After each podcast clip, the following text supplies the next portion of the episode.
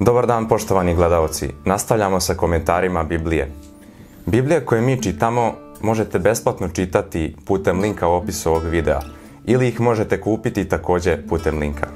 Miroljube. Dragi prijatelji, pre nego što nastavim, nastavimo sa komentarima, želim da vas obavestim da je obezbeđena jedna količina Biblija koje možemo besplatno da pošaljemo u ovom trenutku samo u Srbiji, zato što su poštarine veoma skupe za slanje izvan Srbije. Tako da oni koji nisu u mogućnosti da kupe Bibliju, mogu da se jave na e-mail koji je dat u opisu ovog videa, znači taj e-mail je komentari biblije at gmail.com. One koji su u mogućnosti da kupe Bibliju, njih bi zamolio da se ne prijavljuju da dobiju besplatni primjerak, oni koji nisu mogućnosti nek se prijave.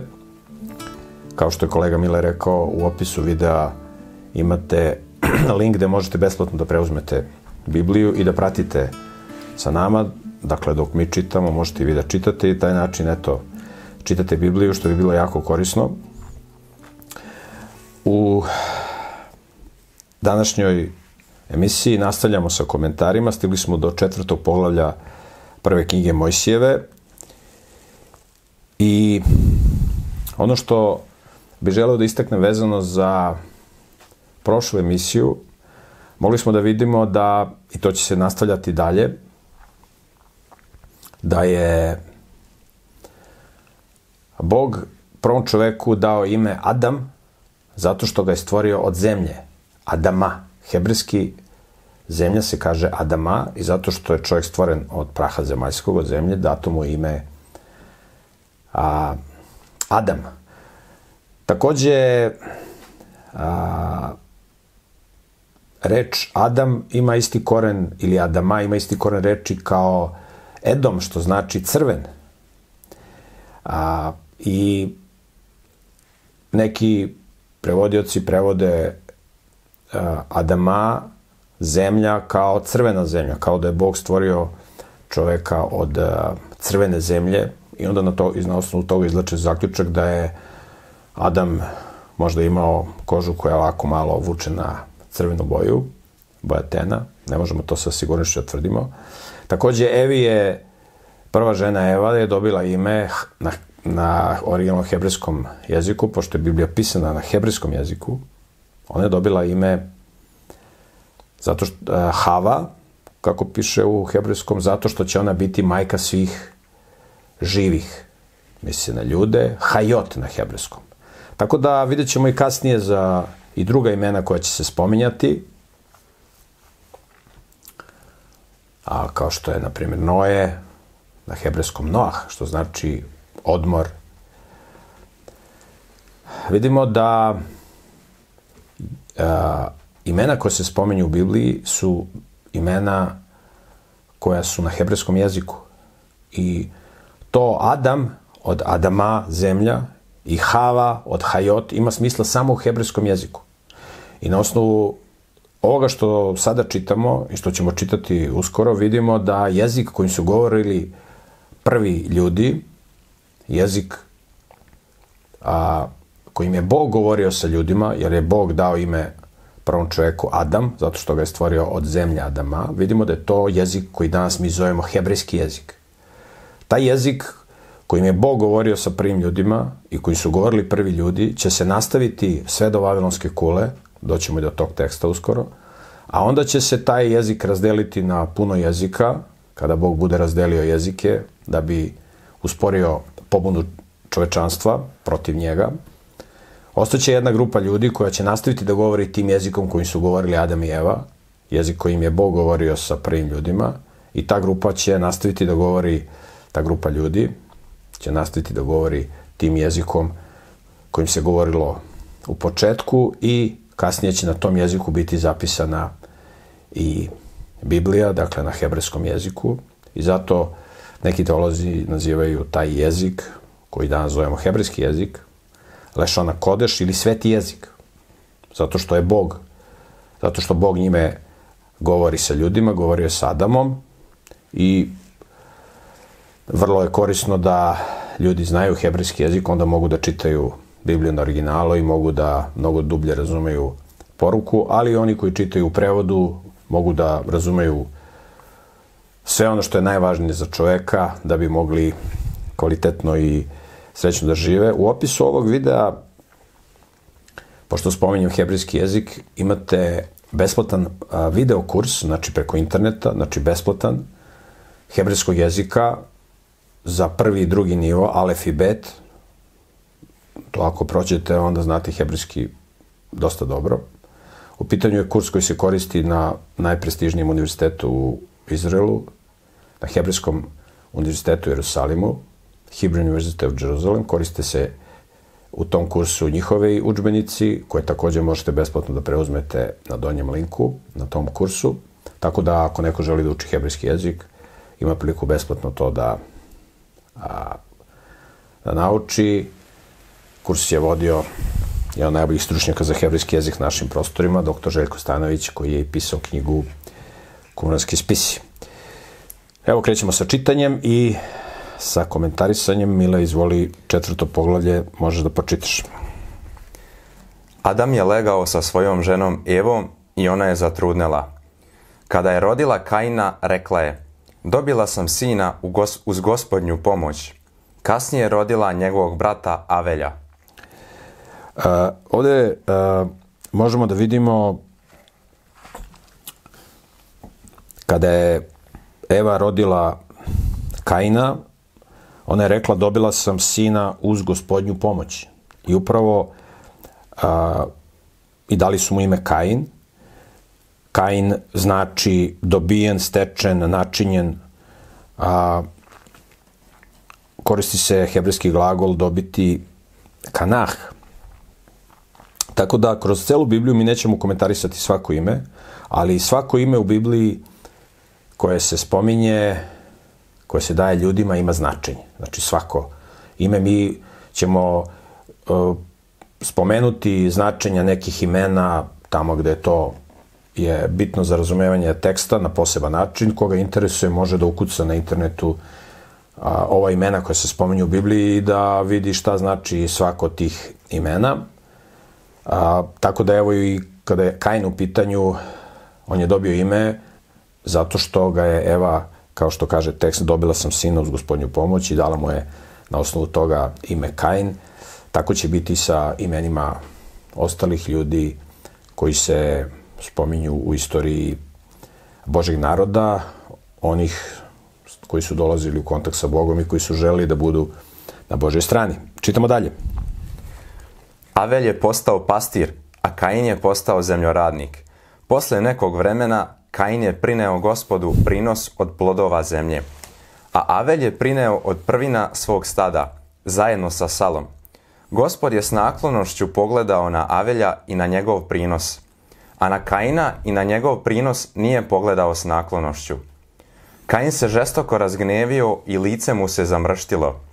Tada, tada gospod reče Kainu, zašto si se razgnevio i zašto ti je lice namršteno? Ako počneš činiti dobro, zar mi nećeš biti mio? Ali ako ne budeš činio dobro, greh vreba na vratima i mamite, a ti hoćeš li ga nadvladati? Ovde imamo izveštaj da su Avelj i Kain se bavili određenim poslovima. Avelj je postao pastir, a Kain je postao zemljoradnik. Međutim, nije problem bio u tome što je Kain bio zemljoradnik, a Avelj bio pastir, nego je bio problem u tome što je Avelj prineo žrtvu od svog stada, a Kain je prineo žrtvu od plodova zemlje. Znači, on je proizvodio ono što danas proizvode zemljoradnici, zemljoradnici, znači voće, povrće, žitarice, tako, orošaste plodove, i on je od toga prinao žrtvu.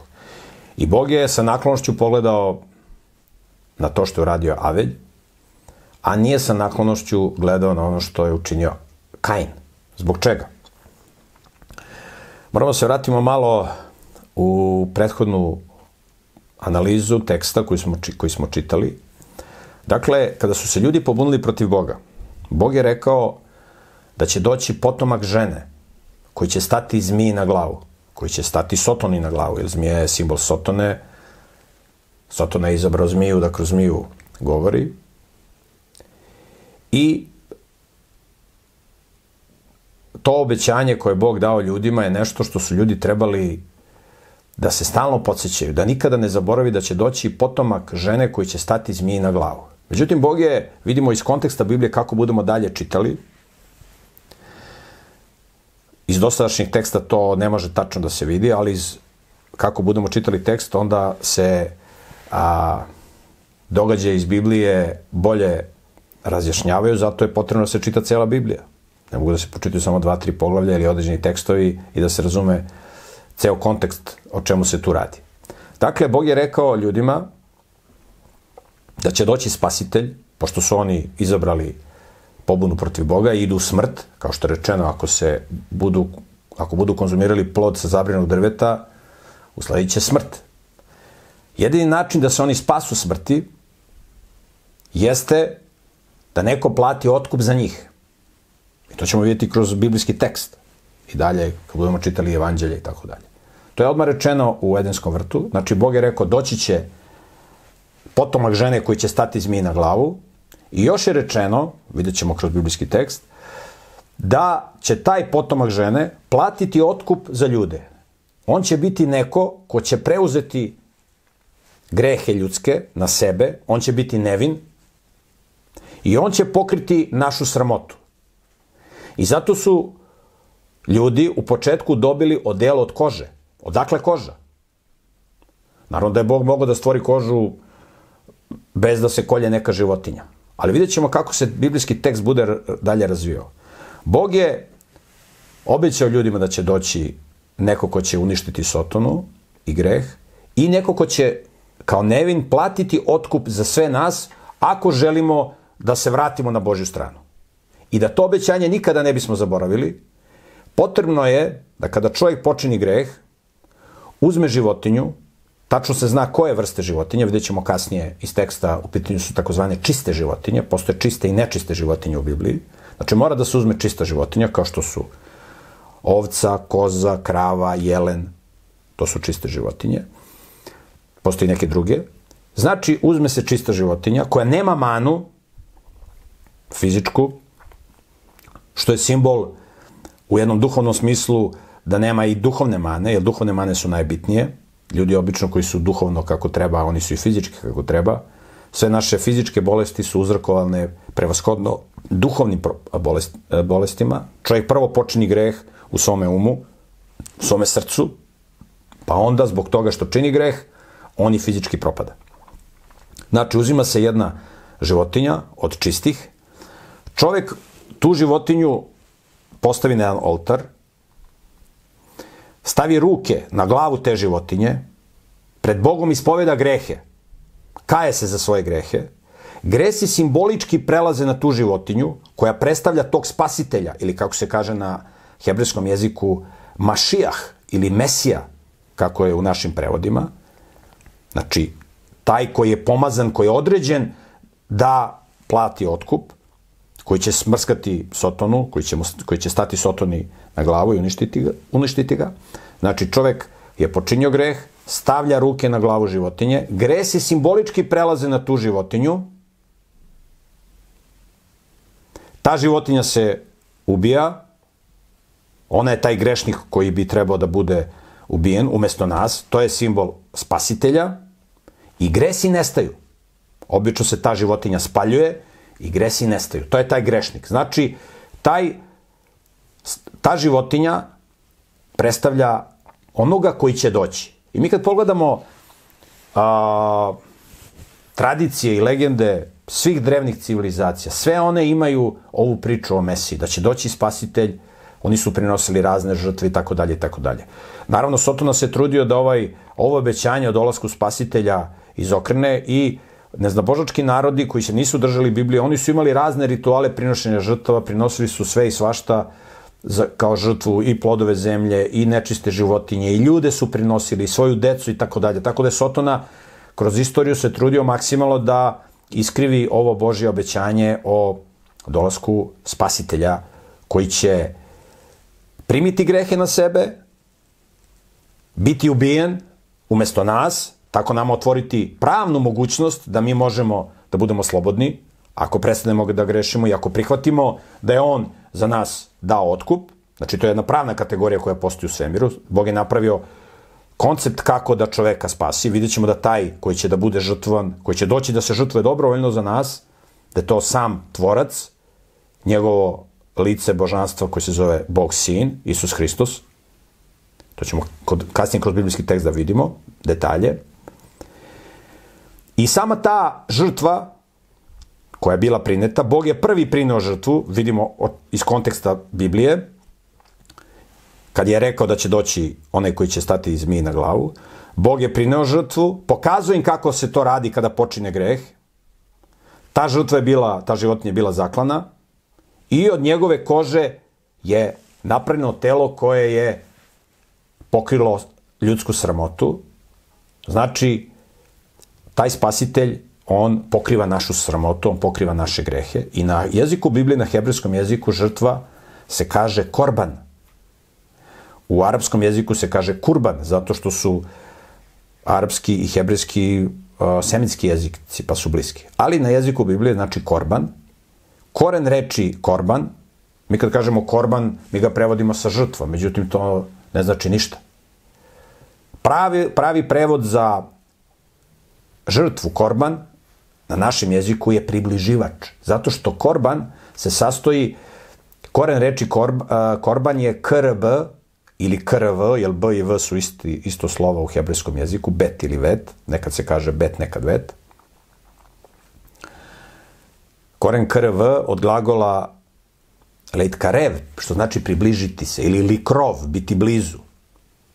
Znači, žrtva znači približivač. Čovek se grehom odvojio od Boga, postoje daleko od Boga, oterao je Boga od sebe. Sad čovjek treba da se približi Bogu. Kako da se približi Bogu? Ono što odvaja čoveka od Boga su gresi. Ti gresi treba da se uklone da bi se čovjek približio Bogu. Kako da se ti gresi uklone? Tako što će te grehe na sebe da prihvati spasitelj, onaj koji je određen za to, koji je prihvatio da bude to spasitelj, to je prava, prava reč, ili na hebrejskom mašijah, pomazanik, mesija, on je određen, on će da, da uzme grehe na sebe, on će da bude žrtvan umesto nas, ubijen, on će dobro da se žrtvuje za nas, i ti gresi će da nestanu i mi ćemo moći da se približimo Bogu. I zato postoji na latinskom ta reč religija, koja se sastoji iz reči, iz dve reči, re i legare. Legare je kopča, kopča sa Bogom. Čovjek je pokidao tu kopču sa Bogom zato što je počinio greh i sad čovjek treba da se ponovo poveže sa Bogom, da se prikopča. Znači, legare je veza, pokidano, relegare, ponovo se povezati. Mi možemo ponovo da se povežemo ako se uklone gresi koji nas razdvajaju od Boga, od Tvorca. I to čini Mesija, koji prihvata grehe ljudi, kao što ćemo vidjeti dalje iz razvoja biblijskog teksta. I Bog je rekao ljudima, svaki put kad počinite neki greh, treba da prinesete životinsku žrtvu od čiste životinje, stavite ruke na glavu, gresi simbolički prelaze na životinju, kolja se životinja, nekada se spaljuje, nekada se konzumira njeno meso i tako dalje. O tome ćemo vidjeti kasnije. I to je način da vi nikada ne zaboravite obećanje o dolasku Mesije. To je, to je ekstremno važno. I šta se ovde dešava? Ovde se dešava da Avelj prinosi životinsku žrtvu kao što je Bog rekao. Međutim, Kain koji je bio problematičan, koji je bio pod dejstvom Sotone i demona, on je prineo, nije prineo žrtvu, životinsku, od čiste životinje, nego je prineo pšenicu, kukuruz, pasulj, grašak, ne znamo šta je prineo, ali kaže plodove zemlje je prineo. Kakve veze imaju plodovi zemlje sa simbolikom koji je Bog dao dolasku Mesije? Znači, Avelj e, svojim ponašanjem radi ono što je ispravno pred Bogom i svoju decu uči onome što je ispravno.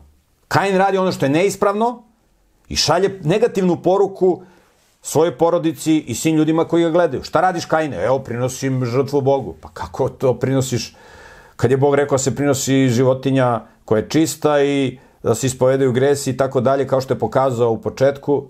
Šta vi znate, znam ja bolje, nije to tako, niste vi to dobro razumeli. To je simbolika, to je alegorija kad je Bog rekao. I onda idu te, ta, ta tumačenje, te interpretacije koje ćemo kasnije kroz celu ljudsku istoriju da slušamo. Nije to tako mi, to što piše u Bibliji 2 plus 2 je 4. To ne znači 4, to znači 17. Sad ćemo mi da vam objasnimo kako to znači 17.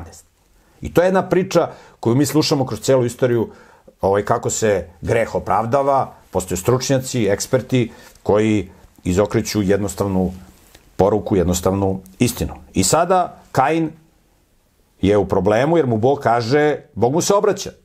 I kaže, radiš ono što je neispravno. I to što ti radiš nije mi, nije mi milo. Kaže, zar mi, ako počneš činiti dobro, zar mi nećeš biti mio? Ali ako budeš činio, ali ako ne budeš činio dobro, greh vreba na vratima i mamite. A ti hoćeš li ga nadvladati?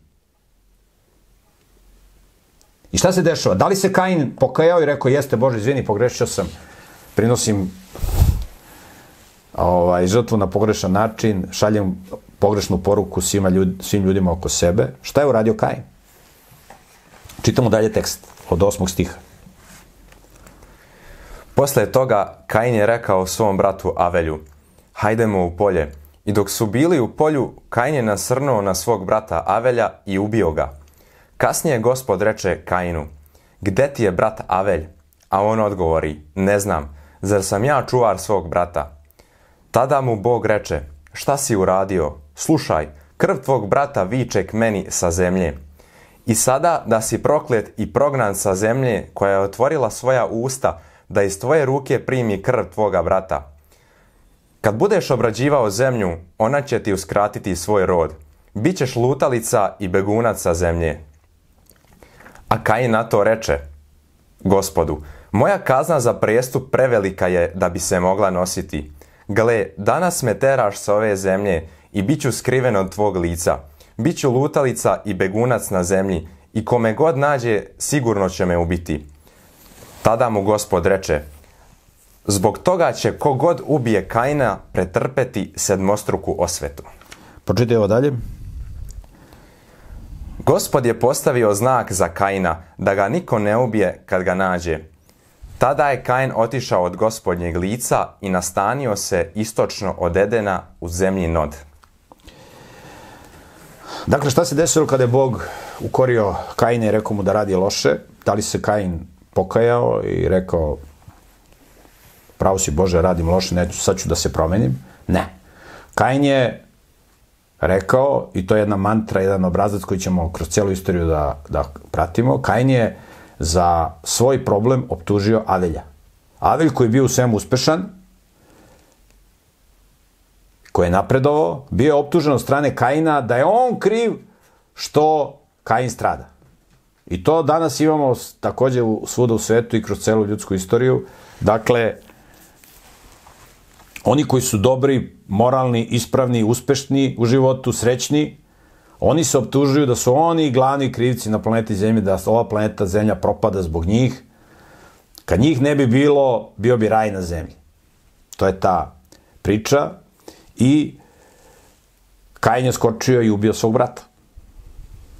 I Bog mu je rekao, šta si to uradio? Gde ti je brat? Kaže, ne znam gde mi je brat, da sam ja čuvar svoga brata. To je isto ona priča sa Adamom i Evom. Nisam ja ništa kriv, ne, ja ne znam. Žena me nagovorila, zmija me nagovorila. Uvek je neko drugi kriv. Gde ti je brat? Ne znam. Znači, laže. I šta je Bog uradio? Bog ubio Kaina? Ne, Bog ga je Bog mu je otežao život da vidi da ukoliko radi loše, bit će mu sve gore i gore. Nije ga, nije ga Bog ubio, Bog je mogo da ga ubije, naravno. Nego mu je Bog otežao život i rekao mu je, zemlja koju budeš obrađivao, bit će ti teška za obrađivanje, da si prolio krv svoga brata po toj zemlji. Međutim, Kain gunđa, on kaže, Pa kako ću sad, bit ću lutalica po zemlji i kad me neko nađe, ubiće me i tako dalje. A Bog kaže, evo, da, stavit ću na tebe jedan poseban znak, mi ne znamo kakav je to znak bio, stavit ću na tebe jedan poseban znak, da te niko ne ubije i da niko ne sme da te ubije. Ja ću da te čuvam, iako si ubica svog brata. Jer Bogu nije problem da on ponovo stvori Avilja. To Bogu nije nikakav problem. Bog se bori za Kaina. On hoće Kaina da spasi. Tog ubicu. Jer Bog voli Kaina isto ko što voli i Avilja. To su njegova deca. I Bog kaže, evo stavit ću na tebe znak, ko tebe pokuša da ubije, ja ću se sedmostruko osvetiti. Šta to znači? U Bibliji je sedam broj punine. Kad se kaže sedmostruko, to znači maksimalno ili kako u, u, u modernom žargonu se kaže full, ono maksimalno ćeš biti osvećen ko pokuša da te napadne i da te, da te ubije. Znači, bit ćeš zaštićen. Evo, dajem ti još jednu šansu. Pored svega, prvo sam to pomenuo da radiš loše, ne, ne prinosiš žrtvu kako treba. Posle si ubio svoga brata. Evo, ja ti dajem još jednu šansu da se pokaješ, kaže Bog. I Bog tako kroz istoriju mnogim ubicama je davao još jednu šansu. I još jednu šansu. Jer je Bog milostiv. I vidjet ćemo kroz, kroz istoriju kada Bog, kada, kada Mojsije pita Boga, reci mi, koje je tvoje ime? Ha, hoću da vidim tvoju slavu, kaže Mojsije. A Bog kaže, milostiv, žalostiv, spor na gnev i obilan milosrđe. To je Božja osobina. Milostiv, žalostiv, spor na gnev. Evo vidite šta se radi na planeti Zemlju, Bog sve to trpi. I pokušava da, da, da, da te razbojnike, kao što je Kain, pozove da se vrate na, na, na pravi put. Tu štetu koju su oni napravili, Bog može to da ispravi. Bog može da ponovo stvori i Bog će ponovo stvoriti Avelja, to nije problem. Ali kako da, kako da spasi Kaina? I Bog se bori za Kaina. To je poruka ovog teksta. I da vidimo kroz istoriju šta se dešavalo. I vidimo da se Kain naselio tamo u nekoj zemlji gde je nastavio da živi. Čitamo dalje od 17. stiha. Posle toga Kain je legao sa svojom ženom i ona je zatrudnela i rodila Enoha. Tada je počeo da zida grad koji je nazvao po imenu svog sina Enoha. Enuhu se rodio Gajdad, Gajdod, Gajdadu se rodio Malelejlo, Malelejlu se rodio Matusal, a Matusalu se rodio Lameh. Ok. Dakle, evo vidimo da se Kain oženio i da je dobio potomstvo. Sad ovde neki kažu a, pa kako je to, gde se Kain oženio, s kim se oženio? Kad su bili Kain i Avelj, deca Adama i Eve i sad on našo žene, oženio se. Odakle ta žena? A, ono što je važno da isteknemo jeste da u Bibliji se iznosi, iznose samo informacije koje su bitne za razumevanje ljudske istorije, a, one informacije koje su bitne za cijelo čovečanstvo. Ne iznose se nepotrebni podaci u Bibliji. Znači, Biblija nema nikakve nepotrebne informacije. Prva zapovest koju je Bog dao Adamu i Evi jeste rađajte se i množite se. Koliko su dece imali Adam i Eva? Mi ne znamo. Koja su deca po redu bila Kain i Avelj? Mi ne znamo. Da li su to ona bila sedma, sedmo dete ili petnesto ili, ili, ili dvadeseto ili stoto, mi ne znamo. Mi ćemo vidjeti iz biblijskog teksta kasnije da je Adam živeo a, 930 godina. 930 godina da je Adam živeo. Ako se dobro, ako se dobro sećam iz teksta. Znači, ljudi su u početku živjeli mnogo duže. Mi na osnovu fosila, ovdje imate izložene samo neke fosile, možemo da vidimo da danas na planeti Zemlji živi samo 1% organizama koji su nekada živjeli. Ono što takođe vidimo u fosilima, jer ovo su ostaci, okamenjeni ostaci organizama koji su nekada živeli. Mi možemo da vidimo kakav je život nekada bio. Ono što na osnovu ovih fosila koji svedoče o tome šta je nekada bilo, kakav je život nekada bio, možemo da vidimo jedan fenomen koji se zove gigantizam. A to je da su organizmi nekada bili mnogo, mnogo veći. Na primjer, pronađeni su fosili jelena koji imaju raspon rogova 3,5 metra. To danas ne postoji. Da, imamo fosile kornjača koji su kao, velike kao automobili. Da, takve kornjače ne postoje.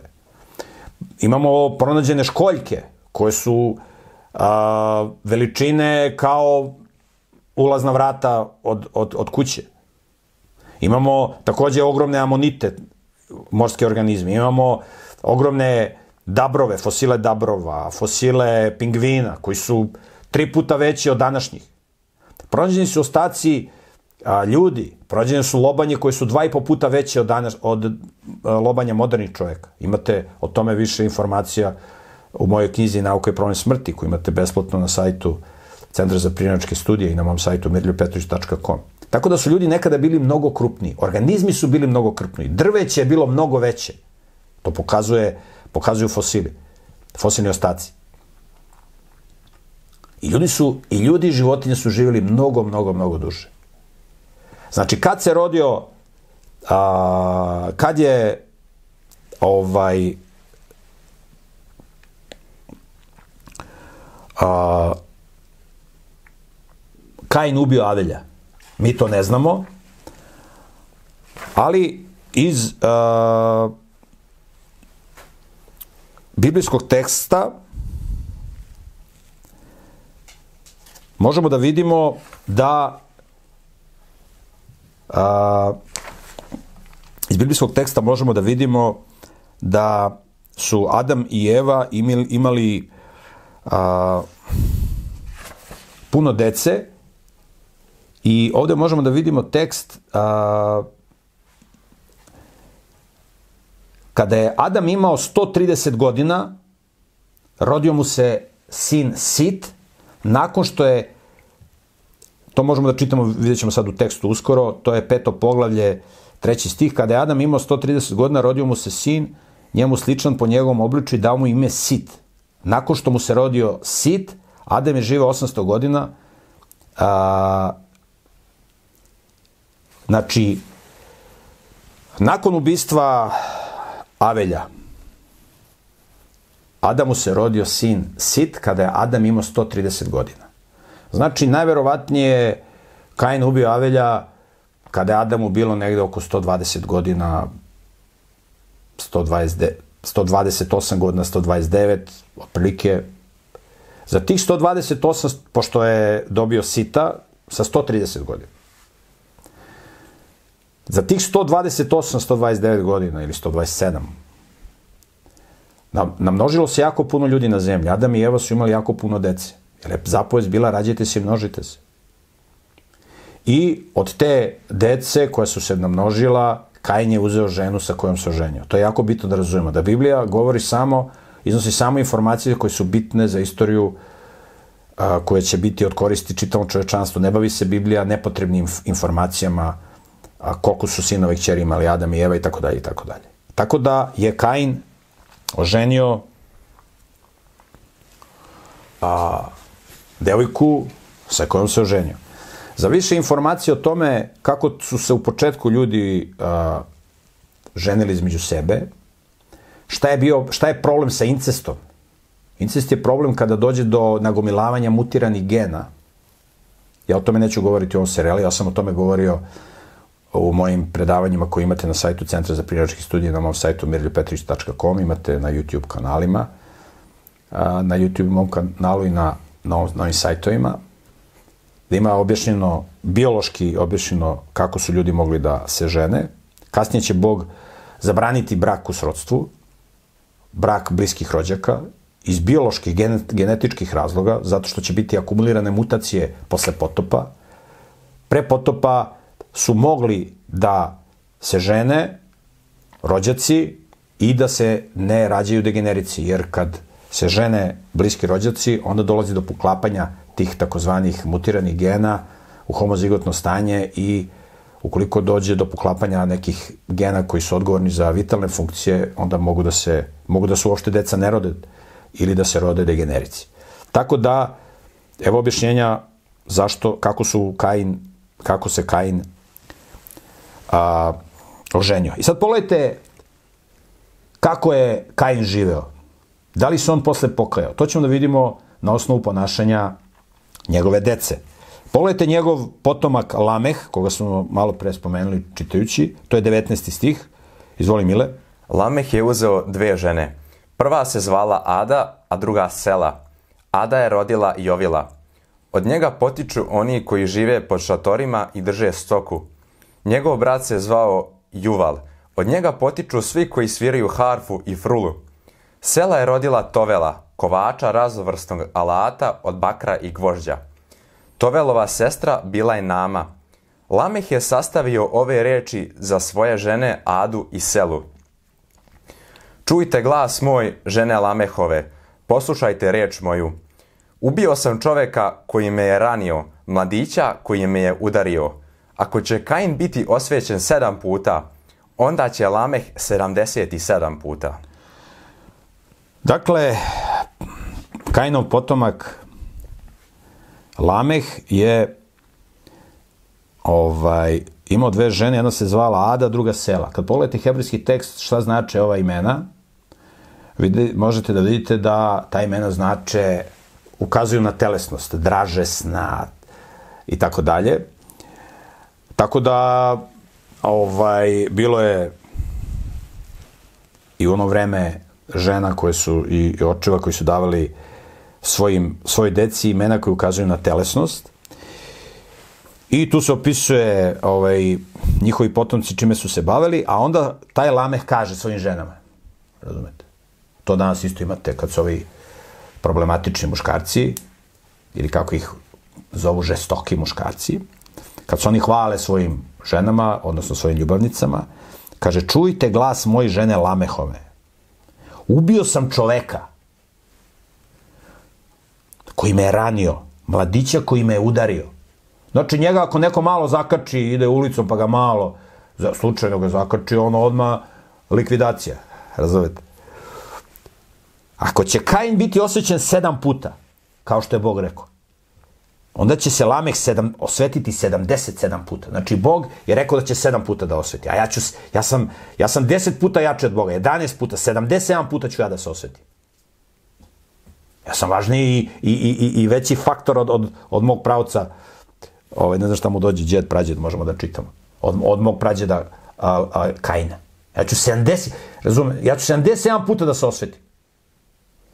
Nije Kain trebao nikome da se sveti, nego je Bog rekao da će se osveti ko bude dirao Kaina. A ovde Lameh kaže ja ću da se svetim. Nema, nema potrebe mene Bog da sveti, ja ću da se, da se osvetim 11 puta više nego što se Bog sveti.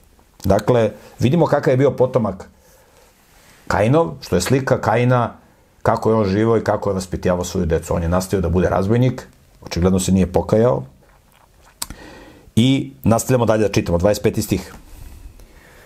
Adam je opet legao sa svojom ženom i ona je rodila sina i dala mu ime Sit, jer je rekla, Bog mi je dao drugog potomka umesto Avelja koga je Kain ubio. A i Situ se rodio sin kome je dao ime Enos. U to vreme počelo se prizivati gospodnje ime. Vidite šta kaže tekst. Adam je dobio sina Sita i vidjet ćemo kasnije u petom poglavlju da ga je dobio nakon ubistva Avelja od strane Kaina. I kaže kada se rodio Sit i dao mu ime Enos, znači rodio se sin, Sit, ovaj je rodio, dobio sina Enosa i kaže u to vreme se počelo prizivati ime gospodnje. Znači, to je bilo bezakonje, znači, potomci Adama i Eve. To su bili bezakonici, razbojnici. I kaže, kada je Adam dobio sina Sita i kada se umnožila njegova porodica, kad je on dobio Enosa, onda je počelo se priziva ime gospodnje. Znači, Kain i ova druga deca, to su bili razbojnici, to su bili banditi. Tako da vidimo da još u stare vremena a, bio je bio je ovaj bila je velika pobuna na planeti Zemlje odmah od početka tako da su bili redki oni koji su bili na Božoj strani. Sada ovde u petom poglavlju čitamo možemo da čitamo uh, rodoslov od uh, Adama, I kaže, ovo je knjiga o Adamovom životu, onog dana kada je Bog stvorio Adama. I ovde možemo da čitamo kako je Adam dobio sina Sita, koliko je Adam živeo, pa a, od Sit je dobio sina Enosa. Ovaj rodoslov koji se ovde iznosi, to je rodoslov onih ljudi koji su bili na Božoj strani. Znači, ne iznose se podaci o bezakonicima, o razbojnicima. Oni se u Bibliji, ti razbojnici se spomenju u Bibliji kada su povezani sa Božim narodom, ali njihova istorija, šta su radili razbojnici i banditski narodi koji su se odvojili od Boga, to u Bibliji nije opisano. Opisano je samo u onom delu kada je to povezano sa kontaktom sa Božim narodom. A Boži narod su oni koji su živeli po Božim zapovestima i živeli ugodno pred Bogom. I sad ovde imate, red, kada čitate peto poglavlje, mi ga nećemo čitati, ovaj, spominje se rodoslov ovaj, a, sve do Lameha i Noja. Sve do Lameha i Noja. A, znači, imamo a, ono što je ovde zanimljivo kada se navodi ovaj rodoslov, zanimljiv je ovaj a, u petom polu 23. stih, evo Mile možda pročitaš 23. stih a, petog poglavlja, za tog a, osmog, osmu generaciju od, od Adama, čitaj. Tako je Enoh živeo ukupno 365 godina. Enoh je sve vreme hodio sa Bogom, zatim je nestao jer ga je Bog uzeo. Ovo je prvi slučaj u ljudskoj istoriji koji je zapisan u Bibliji, verovatno nema drugih, da ima nekih drugih slučajeva, Bog bi to zapisao. Znači ovdje imamo slučaj da je jedan čovek živeo toliko ugodno pred Bogom, da nije okusio smrt. Znači, bio je prenešen na nebo. Očigledno je prenešen na treće nebo kod Boga i verovatno on sad živi negde na nekoj planeti gde postoje neka stvorenja koja su slična kao mi, a koje nisu pobudni protiv Boga. Znači, on je prenet na nebo, Enoh, kaže, Boga je uzeo kada je imao 365 godina. Znači, on je živeo moralno, ispravno i on, on, je, dos, on je dostigao savršenstvo karaktera. Znači, on je dostigao savršenstvo karaktera, to ćemo vidjeti kasnije iz biblijskog teksta, da se to isto desilo i Ili, proroku Ili, koji je takođe prenet na nebo. Vidjet ćemo kasnije iz izveštaja za Mojsija, da je Mojsije takođe prenet na nebo. Iako je Mojsije okusio smrt, on je umro, pa ga je Bog vaskrsao i preneo na nebo. Vidjet ćemo iz biblijskih tekstova kasnije kad budemo čitali. Tako da na osnovu biblijskog teksta vidjet ćemo da postoje tri čoveka za koje Biblija govori da su preneti na nebo. I da su živi, žive na nekoj planeti, u svemiru, ne znamo tačno gde, znači tamo gde nema greha. Tako da, možda ovo zvuči malo fanatično, možda zvuči a, prepotentno, možda zvuči ekstremno, ali biblijski tekst govori da ljudi koji izgrade svoj karakter, da bude savršen, da bude kao karakter Isusa Hrista, koga ćemo kasnije da analiziramo, za takve ljude postoji mogućnost da budu preneti živi na nebo, da ne, da ne okuse smrt, kao što je slučaj sa Enohom, koji je prvi čovek koji nije umro, nego je živ prenet na nebo. To kaže biblijski tekst. Znači, hodio je sa Bogom, živo je moralno i Boga je preneo na nebo, kao što je poslije bio slučaj sa Ilijom, a vidjet ćemo sa Mojsijem, kad budemo čitali biblijski tekst, vidjet ćemo zašto je Mojsije morao da umre. Mojsije nije morao da umre i on je mogao da bude živ prenet na nebo, ali je napravio jednu grešku zbog koje je morao da bude kažnjen. To ćemo kasnije da, da čitamo i da vidimo o čemu se radi. Ali ovde, kada čitamo ovaj rodoslov, vi možete da čitate, ako hoćete, peto poglavlje, da vidite rodoslov ko je čiji potomak. I ovde imamo od Adama deset generacija do sledećeg čoveka koji je za nas a, bitan, to je 28. stih, znači Lameh je bio deveta generacija moralnih ljudi, pobožnih ljudi, ugodnih pred Bogom i a, Čitamo 28. stih do kraja petog poglavlja. Kada je Lameh imao 182 godine, rodio mu se sin. Dao mu je ime Noe, rekavši, on će nam doneti utehu u našem poslu i u mukama naših, ru, naših ruku koje nam zadaje zemlja koju je gospod prokleo. Nakon što mu se rodi, rodio Noe, Lameh je živeo još 595 godina. Za to vreme rodilo mu se još sinova i kćeri. Tako je Lameh živeo ukupno 779 777 godina, a zatim je umro. Noje je imao 500 godina i rodili mu se sin, Ham i Jafet. Dakle, ovde dolazimo do a, rođenja desete generacije od Adama i rodonačnik te desete generacije Božjeg naroda je bio Noe. I njegovo ime na hebrejskom Noah potiče od glagola lanuah, što znači odmoriti. Odmoriti. I on kaže, kaže i, i, i on je ovaj, njegov otac mu je i dao ime, kaže, on će nam doneti utehu u našem poslu, ovaj, vidimo iz, iz konteksta, doneće nam odmor, doneće nam mir i zaista ovaj, to jedno veliko bezakonje koje je bilo na zemlji, kao što vidimo iz prethodnog teksta, će biti prekinuto u vreme Noja. O događajima vezano za Noja ćemo govoriti u sledećoj emisiji. A, ja koristim priliku da vas sve poz, pozdravim.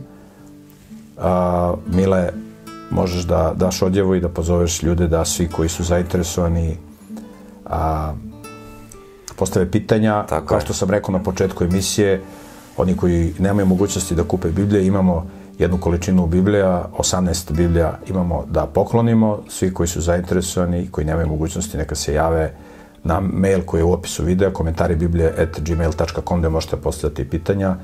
Neka pošalju ime, prezime, adresu i broj telefona obavezno, jer se šalje kurijskom službom, znači obavezno sa brojem telefona, ali isključivo u Srbiji. Nažalost, ne možemo da šaljemo u Južnu Srpsku pokrajinu, zato što ovaj, okupator ne dozvoljava da se tamo šalju na Biblije i onda ih vraća, tako da moramo, možemo samo u ovom, da kažemo, neokupiranom delu Srbije da šaljemo Biblije u ovom trenutku. Poštovani gledalci, to je bilo sve za danas. Pitanja koja imate vezano za tekst koji smo danas čitali, a koji je doktor Petrović I za prethodne tekstove. tako i za prethodne tekst, tekstove možete da postavite na mail komentari biblije at gmail.com. Na taj isti mail možete da pošaljete podatke na koje ćemo vam slati besplatne Biblije ako želite. Hvala na pažnji i vidimo se.